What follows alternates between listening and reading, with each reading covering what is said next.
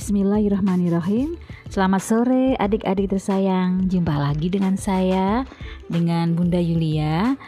Kali ini kita lanjutkan lagi ya Kisah tentang Rasulullah Shallallahu Alaihi Wasallam. Kita lanjutkan di kisah tentang nenek moyang Nabi Muhammad Shallallahu Alaihi Wasallam. Yang Bunda ambil dari buku Muhammad Teladanku jilid pertama tentang kelahiran Rasulullah.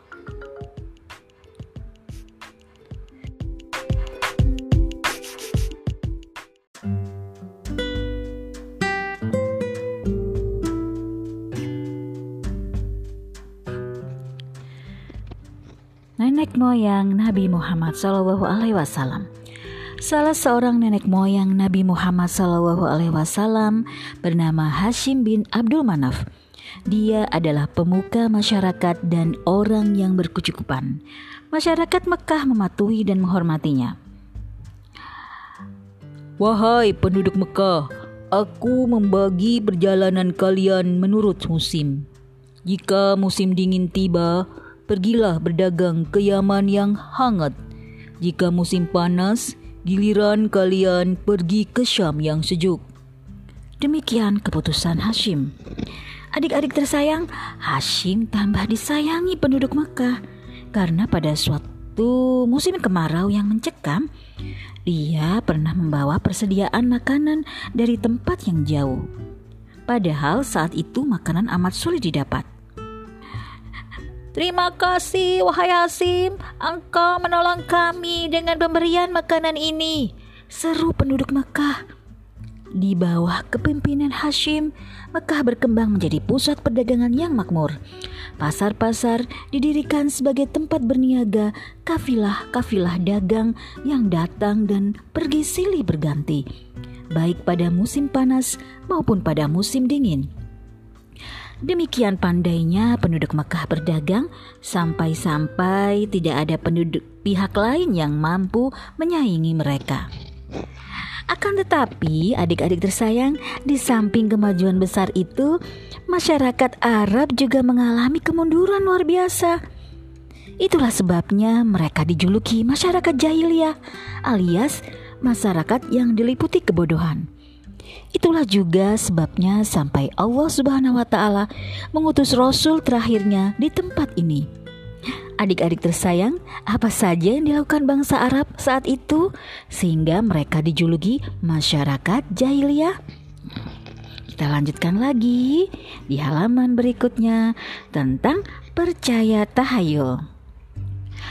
Oh tidak, burung itu terbang ke kiri. Aku pasti akan tertimpa sial umpat seseorang. Orang itu kebetulan melihat seekor burung yang terbang di atas kepalanya berbelok ke arah kiri. Sepanjang hari itu dia jadi murung karena yakin bahwa dia bernasib sial walaupun belum tahu hmm, kesialan macam apa yang akan menimpanya. Adik-adik tersayang, orang-orang Arab pada masa jahiliyah amat percaya pada tahayul. Contohnya, mereka percaya jika burung yang mereka lihat terbang ke kiri, nasib sial akan menimpa mereka.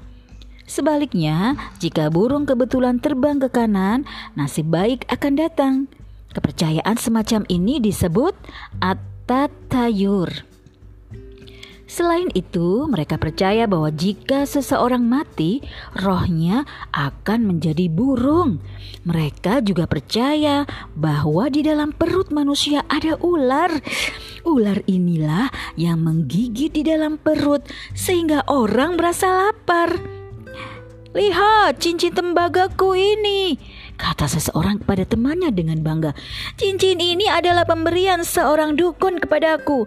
Tidak sia-sia aku memberinya uang banyak agar membuatkan cincin ini.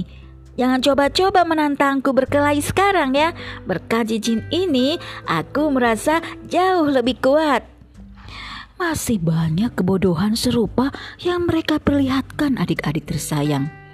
Mereka juga amat taat menyembah berhala-berhala berbentuk patung jika mereka meminta pertolongan kepada berhala, tidak segan-segan mereka mengorbankan binatang ternak dan mengoleskan darahnya ke tubuh berhala. Bahkan terkadang mereka sampai hati mengorbankan anak-anaknya sendiri demi mengharap keridhaan berhala. Adik-adik tersayang, selain melakukan kebodohan-kebodohan itu, mereka masih melakukan banyak sekali hal-hal yang merusak awal mula penyembahan berhala.